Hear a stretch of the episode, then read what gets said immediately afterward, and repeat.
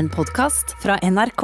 Tinashe Williamson er skuespiller, modell, forfatter og en av landets viktigste stemmer i antirasismesaken.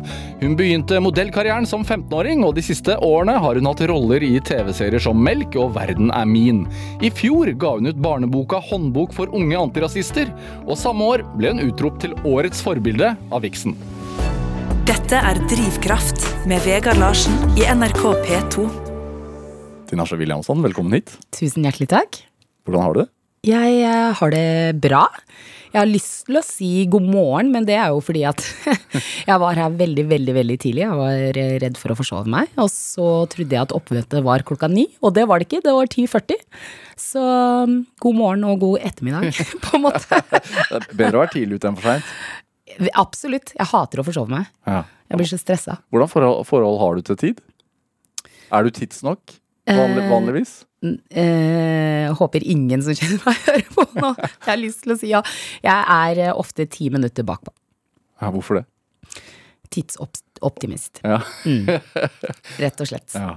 Det ordner seg? Eller er det litt sånn ja ja, greit, Nei, jeg de kan vente? nei, nei, absolutt ikke. Men jeg tror at jeg har bedre tid enn det jeg har. Og så eh, legger jeg ofte Jeg bare er ti minutter bakpå. Ja. Sånn hele dagen. Men er det også en sånn innstilling til livet? Altså sånn ja ja, det det, jeg tar det litt med ro, det går fint? Egentlig ikke. Nei. Og jeg hater jo dårlig tid, så jeg skjønner ikke. Det, altså, det er jo en form for selvskading, føler jeg. Det hele tiden er bakpå. Jeg hater det. Du har akkurat kommet hjem fra Milano. Ja, stemmer. Eh, en utdeling, hva, hva var det for en slags utdeling? Eh, About You Awards heter det. Det er på en måte en, eh, en, eh, en utdeling eh, for influensere i Europa. Eh, og der, var jeg, der er det seks kategorier, og så var jeg nominert i kategorien Empowerment. Så det syns jeg var veldig stort, uh, og i det hele tatt bli lagt merke til utenfor uh, Norges landegrenser. Ja, visst, også, hvordan fikk du vite om dette? Jeg fikk en mail.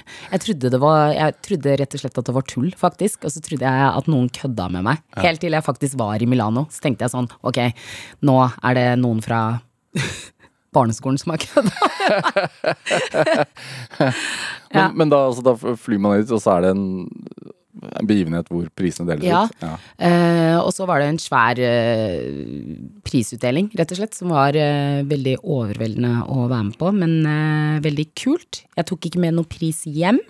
Han som vant, er eh, fransk eh, og sitter i rullestol og er veldig sånn advocate for eh, folk med funksjonshemningsrettigheter, og ting vi som eh, ikke trenger å tenke på det, at vi er obs på de tingene, da. Mm, så veldig verdig vinner. Mm. Er det influenserprisutdeling? Mm. Du vant jo også en influenserpris i fjor, også på Vixen. Ja. Hva tenker du om ordet? Jeg er ikke så glad i influenserordet. Um, jeg har lyst til å si påvirker. jeg syns det høres litt uh, kulere ut. Jeg tenker sånn eh, Ikke at det er noe galt med det, men influenser tenker jeg, jeg tenker sånn automatisk, det er sikkert mine fordommer, men da tenker jeg automatisk at man um, fronter eh, tannbleking, på en måte. Hvis det gir mening. Ja. Hvor, hvor, hvor viktig for deg er det da at du blir nominert i, i kategorier som faktisk er er for, for å gjøre verden litt bedre? Da? Det betyr veldig, veldig mye at jeg, det jeg eh, jobber for og mot blir lagt merke til, og at folk eh, viser at de, set, at de også setter disse tingene på agendaen, og at de syns det er viktig. Så mm, det betyr mye å være eh, hva skal man si, kjent, eller, eller, eller eh, at man blir lagt merke til for jobb som man selv syns er viktig. Ja. Hva er jobben din egentlig om dagen? Jeg er rundt og holder eh, foredrag om eh, antirasisme, mm. og Hvordan foregår det?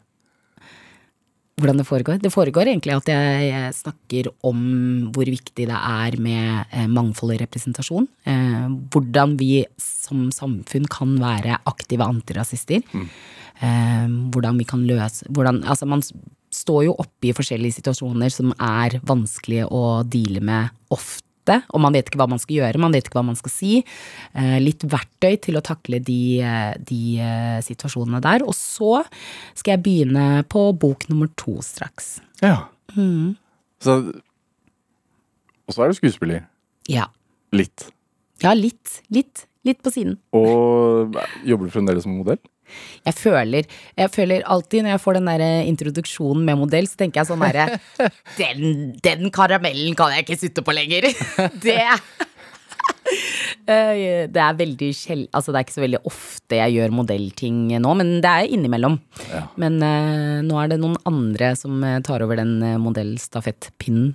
Hvordan er det Altså, fordi Håndbok for unge antirasister mm. har solgt um, 16 000-17 000 eksemplarer. Ja. Veldig, veldig gode tall for en sånn type bok. Ja. Uh, og den er havnet på en pensumliste for lærere. Mm, den har havnet på pensumlista for lærere som skal ta videreutdanning i norsk. Og akkurat det er jeg så innmari eh, stolt av, for i mitt stille sinn så var det alltid målet. At eh, de som skulle ut og snakke med barna våre, være sammen med barna våre hver dag, og at um, Unicef har akkurat gjort en rapport som viser at uh, over 40% av barna blir utsatt for rasisme, og 60% av de som blir utsatt for rasisme, de blir utsatt for det på skolen. Sånn at, eh, at den boka her skal hjelpe skal sette i gang noen samtaler i klasserommene, det er jeg veldig stolt av. Og i tillegg, jeg som ofte fikk høre at jeg ikke var norsk nok fordi at jeg ikke var hvit nok. En bok jeg har skrevet er da på pensumlista for lærere som skal ta videreutdanning i norsk! Det er jeg veldig stolt av. Dette er Drivkraft med Vegard Larsen i NRK P2.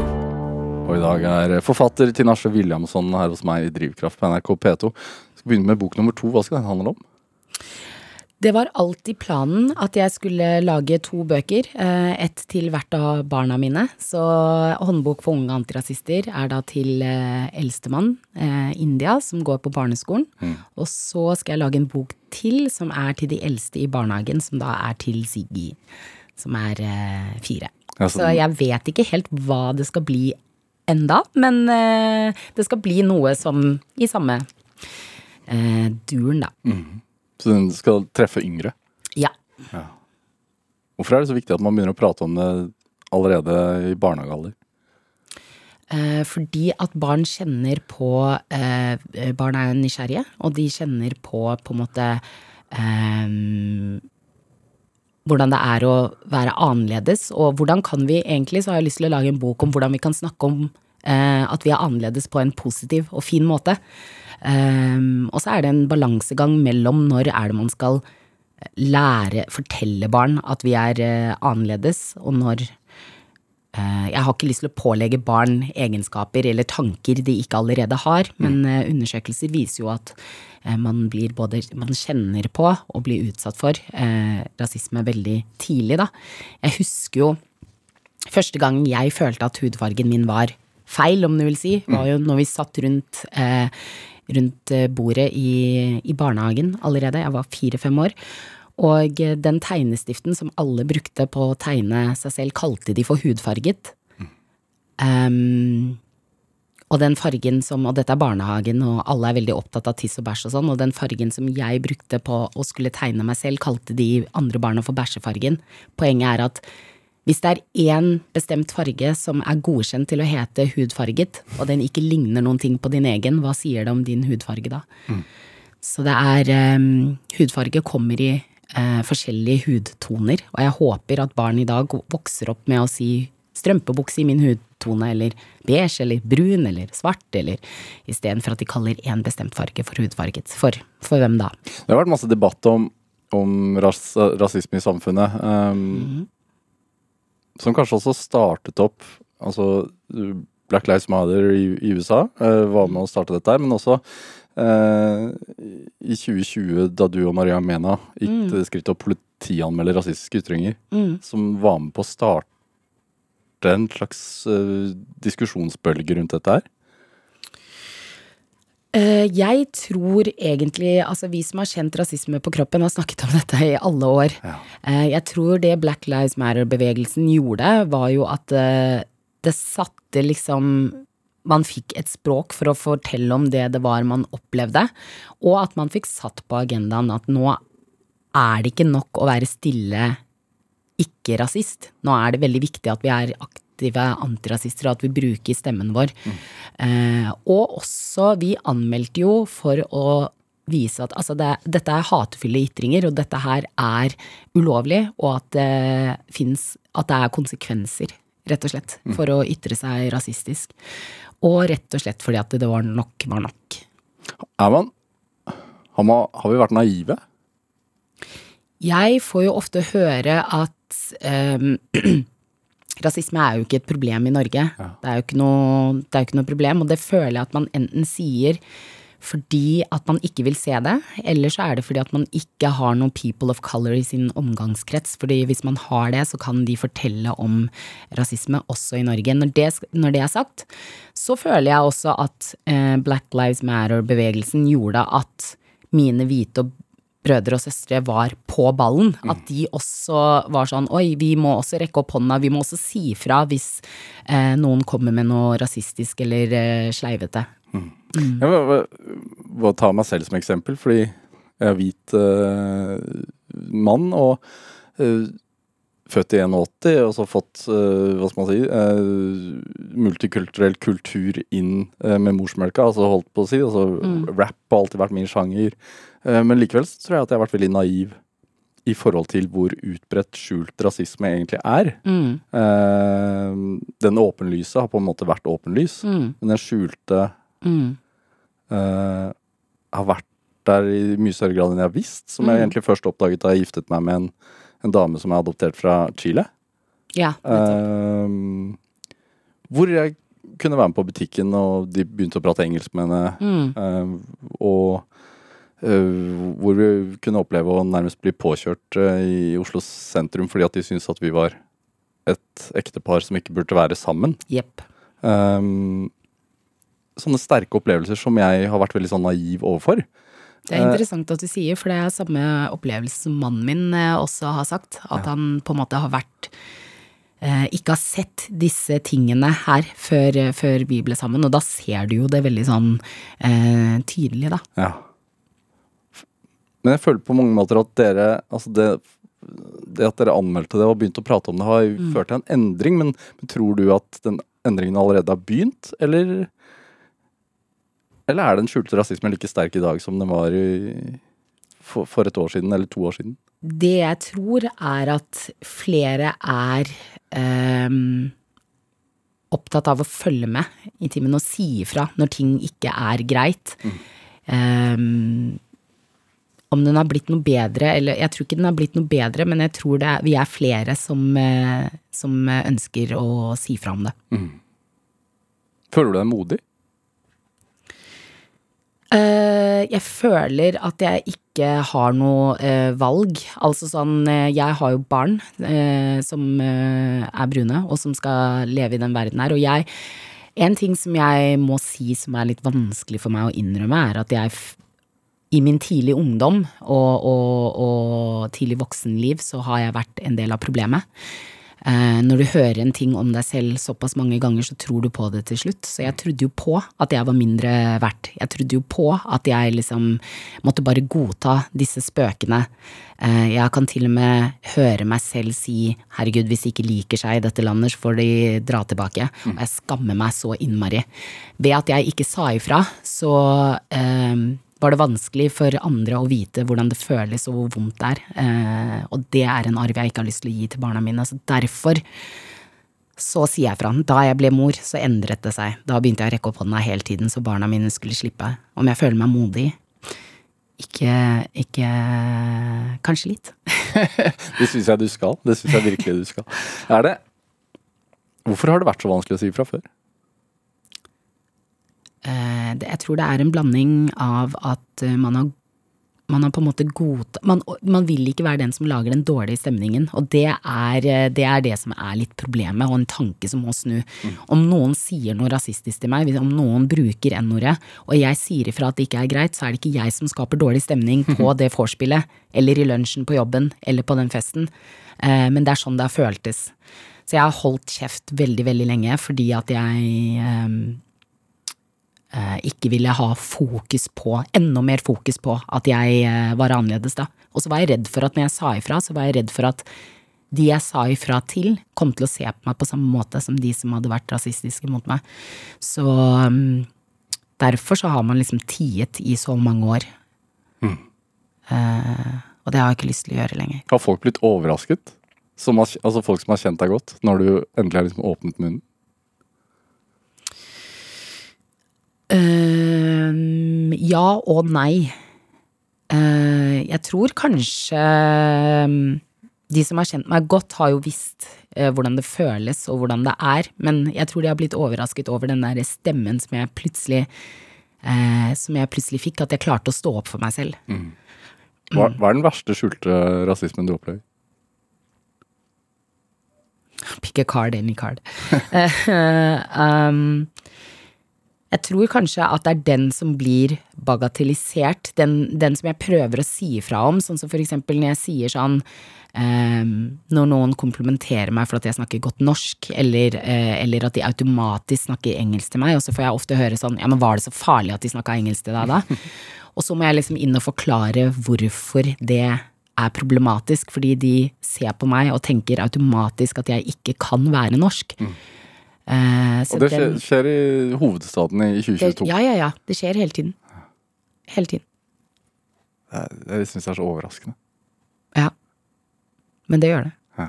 Senest for ikke så lenge siden jeg tok taxi, så sa han at eh, du høres jo du høres jo faktisk norsk ut, sa han. Og så sa jeg du også, og så sa han ja, men jeg er jo født her, og eh, så sa jeg jeg også. Så da satt vi der, da, i stillhet. Lang taxitur. Tror du at den endringen kommer? Ja, jeg må tro det. Jeg har skrevet en bok som jeg håper støver ned på et bibliotek om ikke sånn altfor lenge. Og det ikke fordi at vi slutter å være opptatt av antirasisme, men fordi at vi har klart å utrydde det sammen. Ja. Så det er liksom Det er eh, håpet mitt. At vi ikke jeg har bruk for den lenger. I boka di, altså 'Håndbok for unge antirasister', så beskriver du strukturell rasisme gjennom klatrestativmetafor. Hva er det? Når du ser på et eh, klatrestativ Altså dette her er jo da en barnebok, så jeg må prøve å forklare det på eh, en måte som er lett å forstå. Hvis du ser på et klatrestativ, så ser det ut som absolutt alle kan bruke det, men hvis den, det klatrestativet er designet på en sånn måte at de som er veldig høye, har, kan bruke det lettere, mens de som er lave, sliter mye mer med å bruke det. Sånn at, og, og de som er lave, vet jo selv at de sliter med å bruke det, mens de som er høye, har ikke nødvendigvis De vet ikke nødvendigvis at det er, eh, at det er lettere for de enn for andre. Eh, og det er litt sånn når man snakker om privilegier også, at eh, de, som har, de som har det, er ikke nødvendigvis klar over at de har det privilegiet. Og det er derfor det er litt vanskelig å snakke om white privilege, for at det, jeg tror folk blir veldig sånn eh, på defensen. Fordi de tenker sånn Ja, men jeg har heller ikke hatt det lett. Eller jeg det, det er ikke sånn at Men jeg tror det handler om at hvis vi bruker privilegiene vi har eh, til å skape en forandring, så tror jeg Jeg tror det er viktig å være bevisst på de privilegiene man har, da. Hvis man tenker på utgangspunkt, hvilket utgangspunkt hadde du her i livet? Eh, skjønte jeg ikke spørsmålet. Nei, så Man er jo født med noen utgangspunkt. Noen, noen privilegier- mer privilegert enn andre. Eh, noen med Hvem er født inn i god skolegang, noen som har mm. hva skal man si, sølvskje, eh, gullskje Altså, jeg ble jo veldig, veldig, veldig heavy mobbet på barneskolen. Sånn helt eh, Jeg hadde en forferdelig eh, hverdag på skolen. Jeg hadde problemer med å konsentrere meg på skolen fordi jeg syntes det var vanskelig. Hvor var dette? På Vormsund. Um, sånn at og, og dette her med å skape relasjoner og få venner og alt dette her, det, det, jeg, det lærte jeg meg veldig, veldig sent, for jeg, jeg var veldig mye ensom. Eh, sånn at jeg føler jo at eh, jeg mista noe på veien som de andre fikk med seg, som jeg prøver å Som jeg prøvde å lære meg nå i, i ettertid. Ja, hvordan var en vanlig skoledag på barneskolen? Altså, det er så mange eksempler, men, eh, men ett eksempel er eh, da jeg eh, Vi hadde svømming. Eh, og det, det var kaldt. Det, jeg husker det var i mars eller noe. Eh, og så var jeg Hadde vi da svømming, og mens vi hadde svømming, så hadde noen lagt alle klærne mine, sekken min, skolen min, nei, skoene mine, alt i dusjen. Så det eneste jeg hadde å ha på meg, var i den våte badedrakten. Så da jeg skulle gå på lærerværelset for å liksom finne ut hva jeg skulle gjøre med dette, her, så måtte jeg liksom ut av bygget og så inn på, inn på lærerværelset. Og da sto gutta utenfor og sa 'Norge for nordmenn' når jeg gikk forbi i den våte badedrakta. Sånne ting skjedde hele tiden. Det var liksom Det var veldig, veldig vanskelig de årene på barneskolen. Mm. Det er så rart, fordi jeg blir sånn jeg må, Det går bra nå, men jeg, jeg blir sånn emosjonell av å snakke om det. Bare mm. Men er det Men man Når man får sånne sår tidlig, så, så de, de heles Altså, de gror, men de heles vel ikke helt? På en måte? Nei, jeg Sånn som Det var helt ærlig litt retraumatiserende faktisk å skrive den boka her. Eh, som slo opp eh, en del eh, gamle sår som man prøver å glemme og prøver å legge bak seg. Men, men det, er, det er viktig, og i hvert fall når jeg ser hvor bra det har gått med den boka her, så, så er jeg veldig, veldig glad, glad for det. Og den skal også gis ut i Tyskland, Danmark og Finland. og Kanskje det kommer noen flere land. Så sånn sett så er det jo liksom sånn verdt det, men det var vanskelig å skrive. Mm. Hva ville du sagt til ti år gamle deg, da? Det er ikke sant det de sier. Din stemme kommer til å bli viktig, og hold ut.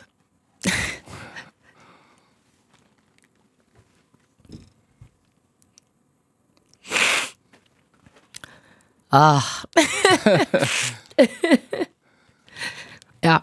Men du blir jo bevega nå, og det blir jeg også. Og det eh, Grunnen til det er jo at det er Det er jo det er en fi, fin følelse, det du føler på nå. Tenk, altså, du ble årets forbilde i fjor. Ja.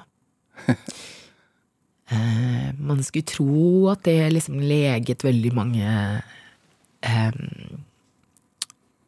De sårene er der allikevel. Ja. Jeg er liksom fortsatt Jeg er liksom kan ta meg selv i å fortsatt være ti år og være redd og være liksom eh, Kjent veldig mye på ensomhet og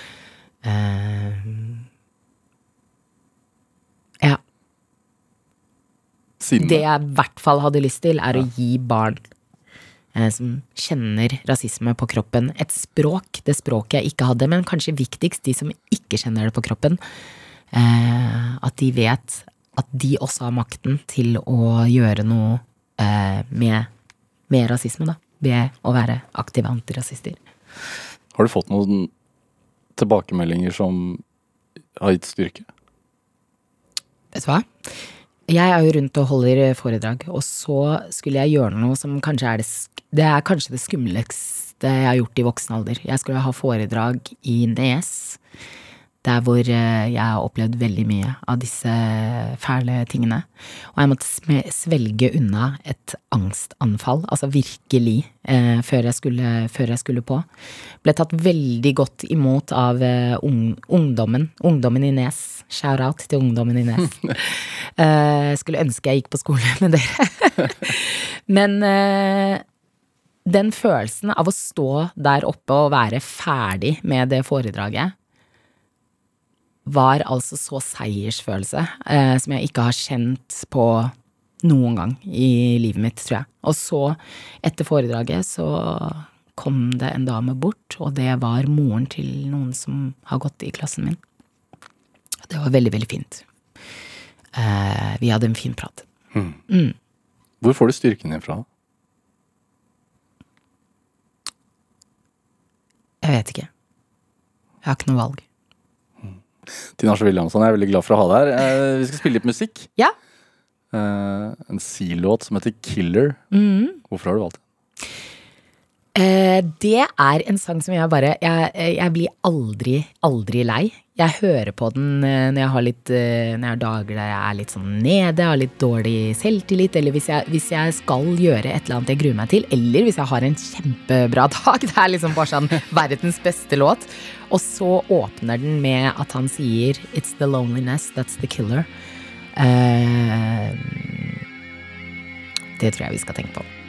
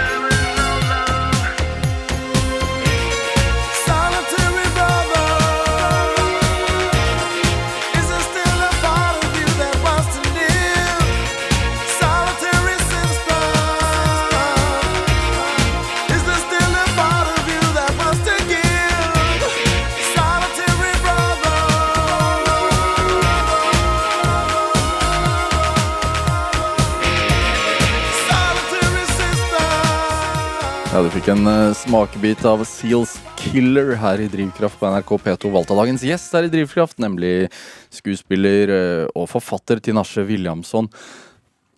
Hvor sterkt er behov for oppmerksomhet, Tinashe? Mitt? Ja. Uh, både og. Og det er det som er litt sånn Fordi jeg tror faktisk Fordi at jeg har var så mye ensom, har vært så mye ensom i barndommen, så tror jeg jeg har eh, eh, ja, så behov for oppmerksomhet, samtidig som jeg er ganske sånn angstete. Så jeg vil også være helt i fred. At ingen skal se meg i det hele tatt. Eh, og føle seg Jeg føler meg ofte både usynlig og har behov for eh, oppmerksomhet. Så det er veldig rart. Huh. En blanding. Hvordan, når, hvordan i all verden var det du, du altså, tok steget ut og, og startet en modellkarriere, da? Uh, nei, det Altså det, Jeg ble jo da oppdaget på gata. Hvordan er det? For det hører man jo om eh, med folk som, Ja. eh, som havner eh, innenfor det yrket i tidlig alder. At man blir stoppet på gata. Ja, vet du hva, jeg sto utenfor eh, Karl Johans gate, og så er det en sånn sidegate, og der var Carlings. Så jeg sto utenfor der og så på, så, så på en dukke som hadde på seg en sånn Fornarina-bukse. Husker jeg? En hva? Fornarina-bukse, det er et merke. Get with the program. Ja, sorry. Så det var liksom Miss 60 og Fornarina, så jeg sto liksom i vinduet og så inn eh, eh, på de. Og så var det en engelsk eh, modellmamma, helt sånn klisjé, men engelsk modellmamma som kom bort og, og på en måte Og da var det rett før jeg fylte 15, faktisk. Eh, og bare sa at hun syntes jeg var, eh, hadde, var pen, syntes jeg hadde et spesielt utseende og syntes eh, Jeg trodde det var tull. Jeg trodde jo liksom eh, det var skjult kamera. Det skal sies at jeg var grisestygg til jeg var sånn 15 år. Og det, og det er sånn virkelig, virkelig, og det er ikke sånn kokettering. Jeg var virkelig det, og jeg husker jeg sa det til mannen min, at jeg bare, jeg var skikkelig stygg til jeg var 15. Han bare nei, det var sikkert ikke så ille. Og så fikk han se to bilder, og han bare «Ah, ok. Det er, Nei, ingen- det er ingen jeg- barn som er stygge, Tinashe, så det er, ikke, det er ikke lov å si. Nei, jeg kan si det om meg sjæl. Jeg har sett bilder, og jeg var, jeg var der, ok? og så um, Så jeg trodde jo liksom ikke på det. eh, Men på den tiden der så var det jo ikke marked for mørke modeller i, i Norge, eller i Skandinavia. Jeg ble jo ikke booka i Norge, så jeg jobbet jo bare i utlandet Men veldig det, å, lenge. men det å bli stoppet opp på gata og få den eh, Få høre det her, da, og, og at det er en person som jobber innenfor bransjen Mm. eh, Når du gjennom oppveksten hadde hele tiden hørt at du var lite verdt, Mm. var det derfor du ikke trodde på det også? Absolutt. Ja, ja. Eh, derfor, og så eh, Ja, jeg tror, jeg tror nok det. Men så, så går man jo også inn i en bransje som er jo helt eh, Og spesielt da var jo helt eh, råtten. Sånn at liksom man tenker jo at man får eh, veldig selvtillit av å, av, å, av å jobbe som modell så ung, men det er jo egentlig motsatt, på en måte. Så det var jo sånn fuck i begge ender. Men hva, hvordan, hva, hva var de første oppdragene du fikk, da? Eh, det var eh, egentlig sånn eh, cat, catwalk eh, og kataloggreier for merker. Eh, men man er jo på sånne so-called go-sees, der man liksom skal eh, møte Altså folk som skal lage magasiner, folk, eh, designere, alt, alt mulig. Og så sitter de jo og liksom ser på bildene dine og ser på deg og snakker om deg som om du ikke er der. Så det var liksom sånn ja, hun er jo liksom sånn, er jo liksom sånn spesielt utseende. Litt sånn, så- litt sånn styggpenn. Men, med men veldig kult. Liksom, litt sånn skeiv i trynet. Altså, de sitter jo liksom sånn Og så sitter du der, og så står du der, da, og bare Ja. Men det ga jo eh, Det ga jo en boost om at noen så eh, noe verdi eh, i meg, selv om eh, jeg hadde jo egentlig mye mer lyst til å ha verdi for den jeg var, da. Og det er jeg veldig glad for at jeg hadde tidlig. Men reiste du ut? Ja. Ja. Eh, men var veldig lite opptatt av bransjen. Ja. Og det er jeg glad for i dag. For det er en litt sånn slippery slope-bransje å være i. I hvert fall som veldig ung. Ja. Hvorfor det? Fordi det er krav om å se ut på en viss måte, i hvert fall da. At man eh, skulle, skulle veie en viss ting, og at man eh, eh, Det var i hvert fall en ganske usunn bransje. Og fortsatt, fortsatt så synes jeg at vi mangler mangfold, eh, mangfold der. Vi trenger eh, å se modeller i alle størrelser, alle hudtoner. Eh, ja. Hadde du noen voksenpersoner å prate med dette her om det? Ja, ja. Jeg eh, hadde jo har jo foreldre. Men, eh, men det var også sånn der Jeg, jeg syns det var litt flaut. Jeg syns det var litt flaut å, å, å snakke om. Eh, og moren min var jo, var jo journalist, Mm. så jeg følte egentlig Det har vi egentlig ikke snakket om, men jeg følte en litt sånn eh, Jeg driver med det, jeg. Driver med sånn utseendeting. Og så var eh, mamma så smart og journalist og var liksom veldig sånn Så jeg syns egentlig hele det der greiene der var litt sånn flaut. Hva har du lært av moren din? Å rekke opp hånda. Og si fra. Si fra når ting ikke er greit. Eh, jeg har lært eh, integritet. Og stole på den stemmen du har inni deg. Ja. Hun, hun flytta jo til et nytt land. Hvordan, Mm. Hvordan var det for henne? Det tror jeg var ganske tøft. Um, men man flytter jo på grunn av kjærligheten, da. men jeg tror, eller jeg vet at det var ganske, ganske tøft, eh, tøft for henne. Uh, man flytter jo fra alt man kjenner, og alt man Familie og alt mulig. Så det er jo ganske beundrings, eh, beundringsverdig. Men jeg hadde en samtale med mamma fordi min bestefar bodde i Sør-Afrika, og han, eh, han opplevde Han levde jo under apartheid, ikke sant. Det er ikke så lenge siden. Eh, og så husker jeg da jeg anmeldte mm, Fikk jo drapstrusler, ikke sant, eh, etter Black Lives Matter. Og da jeg anmeldte det, så husker jeg at mamma sa Bestefaren din opplevde apartheid. Jeg trodde aldri at barnet mitt skulle sitte her nå og måtte anmelde rasisme. Og var liksom veldig sånn, det var veldig sånn emosjonell eh, Et emosjonelt øyeblikk mellom oss, der hun var liksom bare sånn eh, jeg, jeg, jeg, Hvis noen hadde sagt det til meg, jeg hadde aldri trodd det. Så hadde vi et liten moment og grein litt, så sa jeg men, men, det, men det stopper her!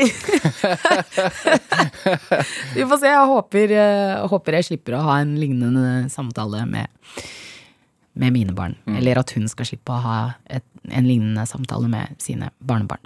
Er, eh, hvis man følger det på sosiale medier, så er du jo en person som øh, er glad i øh, ja, litt sånn dark humor. Ja. Og, og det, mye humor generelt. Ja. Har det alltid vært en del av personligheten din? ja. Ja. Jeg tror at jeg følte veldig Ikke sant, jeg følte meg veldig eh, ganske verdiløs og stygg veldig lenge. At jeg tror at jeg følte at ja, du er i hvert fall ikke utseende å spille på, Tinashe, så du må være morsom. og du må være smart, liksom. Det, det er det du har. Sånn at jeg, jeg brukte veldig mye sånn galgenhumor eh, for å liksom overleve. Men så syns jeg det er morsomt, da. Ja. Jeg syns jo selv jeg er morsom. I hvert fall innimellom. Men syns du det selv er pen? Åh, nei. Ikke Å, nei. Det er du som sier det Eh, motsatte. Nei, men jo, men ikke sant. Jeg har lært meg å sette pris på alle de trekkene med meg som jeg hatet da jeg var, eh, da jeg var eh, yngre. Hvordan gjør man det?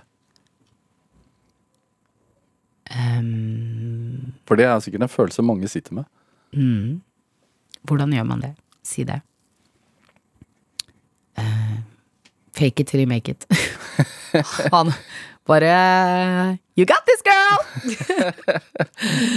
uh, nei, jeg tror kanskje um, Nettopp, altså sånn, Da jeg vokste opp, så var det ingen som lignet på meg på TV. ikke sant? Jeg, eh, jeg vokste jo opp med å bare leke med hvite dukker, for det var det eneste som fantes. ikke sant? Ehm, bøkene, altså navnet i bøkene var alltid Magnus Elise. Det er derfor mangfold og representasjon er så viktig. Det er viktig at Fordi noen kan jo tenke at dette er bagateller. Nei, men det er viktig at kids ser seg selv representert i det samfunnet vi lever i. Fordi det er vanskelig å se seg selv som en hovedrolle i sitt eget liv hvis man så vidt ser seg selv som en statist i samfunnet, ikke sant. Eh, og alt som ble presentert for meg som skjønnhetsidealer, som eh, blond, blå øyne, smal nese, smal munn, var det stikk motsatte av hvordan jeg så ut. Og hvis det var det eneste jeg ble eksponert for, eh, så gjorde jo det noe med selvtilliten min, da. Så øh, derfor så er mangfold og representasjon viktig. Um, ja. når var det det snudde for deg? Når var det du tenkte at Jeg har noe viktig å komme med. ja, eh, Da jeg ble mamma. For da hadde jeg noen andre å heve stemmen for enn meg selv. Ja. Det er ikke så Man er jo ikke alltid så god på å heve stemmen på vegne av seg selv. Men hvis det plutselig er på vegne av noen andre, og det betyr noen ting, da, da klarer man det. Så jeg tror det var da det snudde. Og så mener jeg at dette her er jævlig viktig.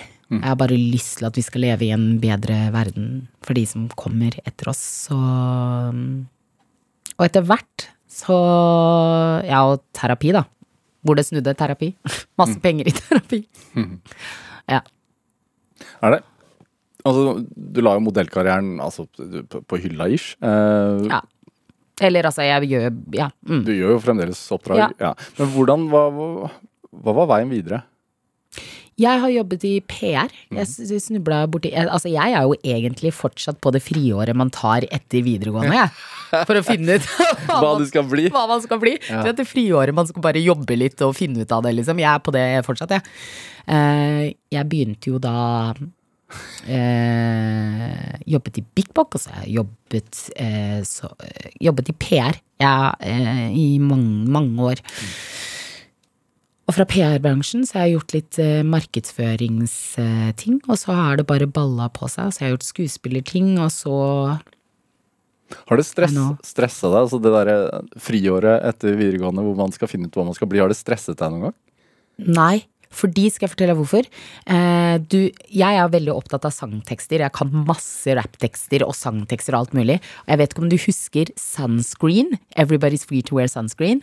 Det er da en, eh, en tale som, som, eh, som en far hadde for eh, datteren sin, tror jeg det var, på hennes graduation. Bruk tanntråd og sånn, blant annet. Ja, ja, ja, ja, ja. Alt mulig, liksom. Og så sier han Uh, Don't feel guilty if you don't know what you want to do with your life. The most interesting people I know didn't know at 22 what they wanted to do with their lives. Some of the most interesting 40-year- 40-year-olds I know still don't. Og det har jeg liksom bare hatt med meg. At bare sånn ikke, du, du må ikke vite hva du skal bli. Jeg vet ikke hva jeg skal bli. Det er mange som ikke vet hva de skal bli. Bare gjør noe som betyr noe. Gjør noe som eh, du brenner for. Gjør noe som. Så har man det bra. Så tror jeg man har det bedre, i hvert fall. Dette er Drivkraft med Vegard Larsen i NRK P2. Og i dag er skuespiller, modell og forfatter Tinashe Williamson her hos meg i Drivkraft på NRK P2. Det er jo Drømte du om en A4-familie da du var barn?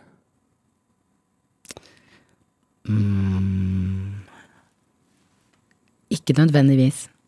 For du har jo snakket litt om at øh, dere ikke er noe A4-familie fordi at øh, datteren din Ja. har en annen øh, far. Mm. Hvorfor Jeg- har det vært viktig for deg å være åpen og snakke om det, at det fungerer så fint? Jeg har vært opptatt av det for å vise at det går an. At det ikke er noe fasit, men jeg tror hvis man står midt oppi et brudd, kanskje, eller ehm, Jeg har fått masse tilbakemeldinger fra eh, barn som har vokst opp med to hjem, der foreldrene hater hverandre, eller, eller, eh, eller eh, at man står oppi et brudd. At man kan se at det går an, og det er ikke noe fasit. Og jeg er ikke her for å vise det for at man skal føle seg dritt hvis man ikke får det til. Sånn, jeg skjønner at det er unntaket, at vi er så close som vi er. Men det er heller for å si det går an. Det går an. Det går an å komme seg dit. Så jeg drømte Nei, jeg har egentlig aldri drømt om liksom at det er viktig at man er en sånn A4-familie. Hva er det? Hva er en A4-familie, egentlig? ja, det er godt. veldig godt. Er det Men det er inspirerende, da. Det også. Så hyggelig. Ja, er det Er det utfordrende nå? Nei. Og det er helt ærlig, eh, men det er nok fordi at eh, Håvard, som er pappaen til eh, eldstemann, er min beste venn. Ikke sant? Jeg hadde tatt en kule for han uten å mukke en gang. Eh, så jeg da er, det, da er det lett. Men selvfølgelig er det vanskeligere å få til et sånn type samarbeid, et sånn type em, eh, relasjon hvis bruddet har vært stygt, for eksempel. Hvis noen føler seg veldig såret eller veldig tråkka på, så er det jo selvfølgelig eh, er det vanskelig å high five med eksen på sommeravslutning da, på en måte. Ja.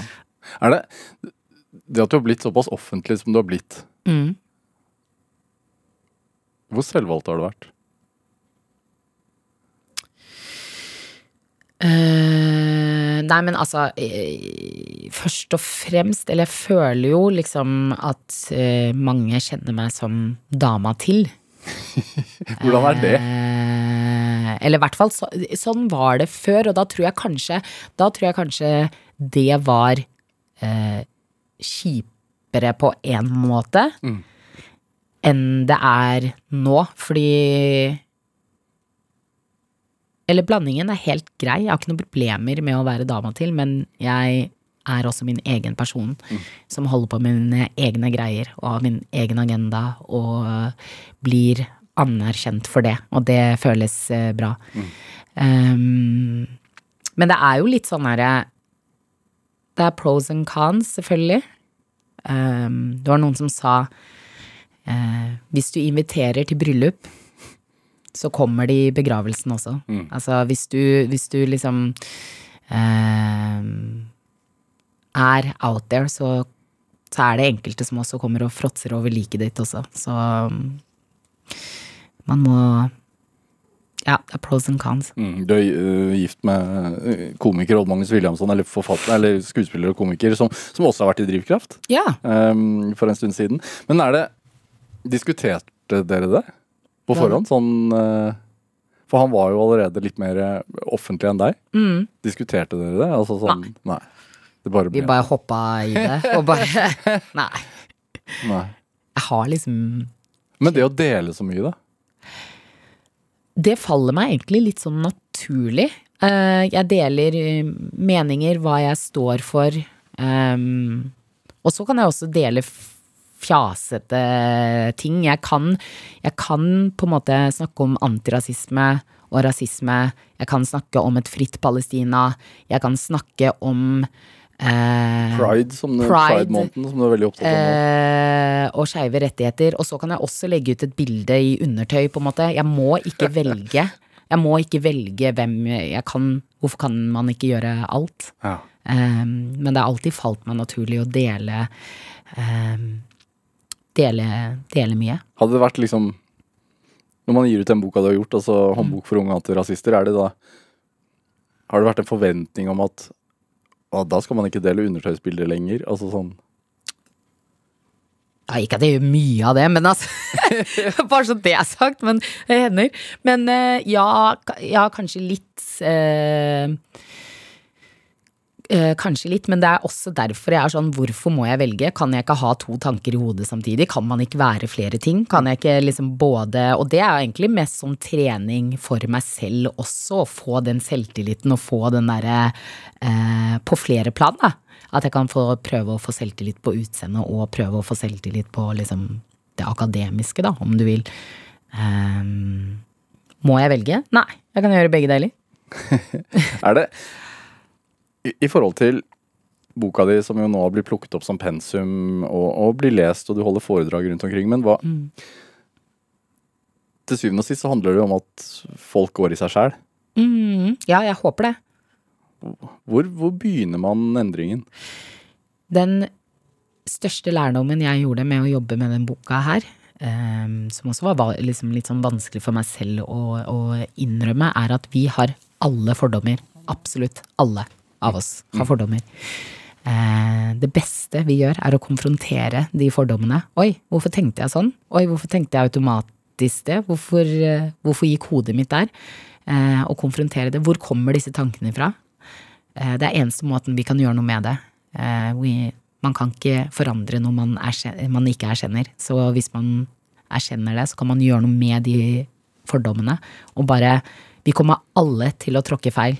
Absolutt eh, alle av oss. Jeg har tråkket feil mange ganger. Det viktigste er hva vi lærer av det. Eh, og at man eh, Ja, at man lærer av det, rett og slett. Du, altså, du har gjort flere skuespillerjobber i det siste. Er det fordommer der òg? Ja. Det er det jo. Ja. Hvor, I hvor stor grad blir du typecasta, føler du? Eh, Det var veldig mye mer av det før, at man ble veldig typecastet. Eh, At man alltid skulle spille en viss type rolle. Jeg elsker nå at jeg blir eh, kasta til å hete Marita, eller kasta til å liksom Ja. Hvor viktig er det? Det er, eh, det er veldig viktig.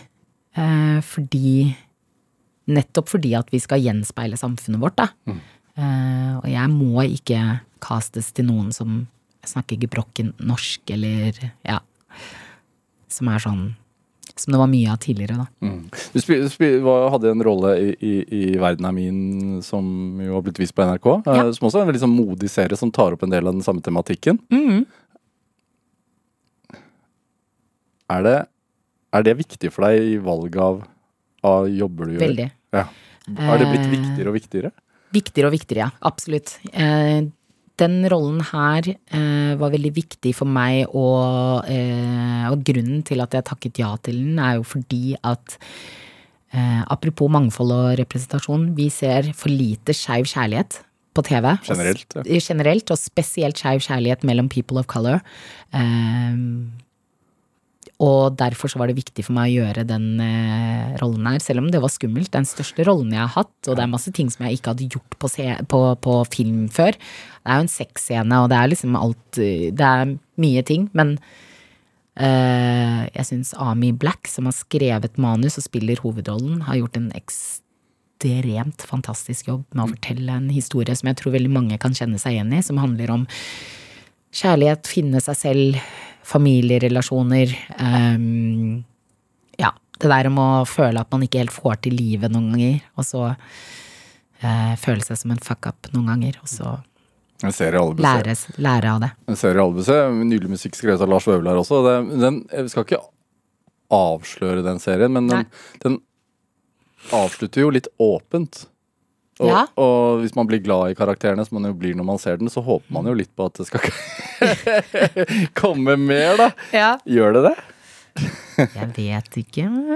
Vi får se. Jeg vet ikke, faktisk. Nei. Ja.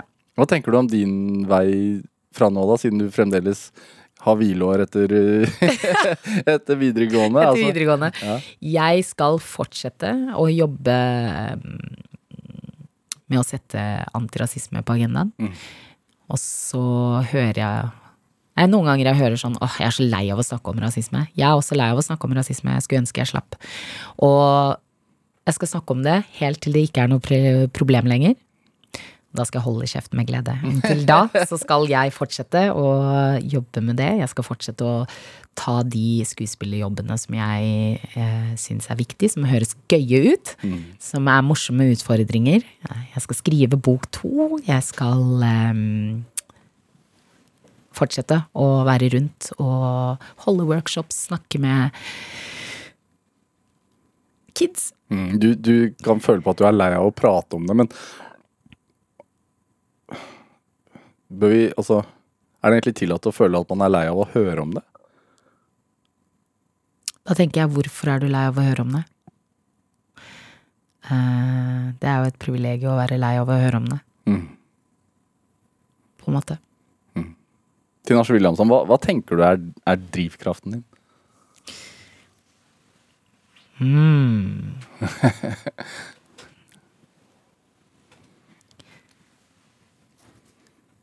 Barna mine. Og å være en så god versjon av meg selv som jeg klarer å være, og noen ganger så er jeg en veldig god versjon. Andre ganger ikke så god versjon. Men jeg lærer alltid når jeg ikke er en god versjon. Tror jeg. Tror jeg selv. Håper jeg selv. Hva drømmer du om at de, får- de får oppleve da, når de vokser opp? Eh, jeg håper de Jeg håper at uh, alt den Altså, den jobben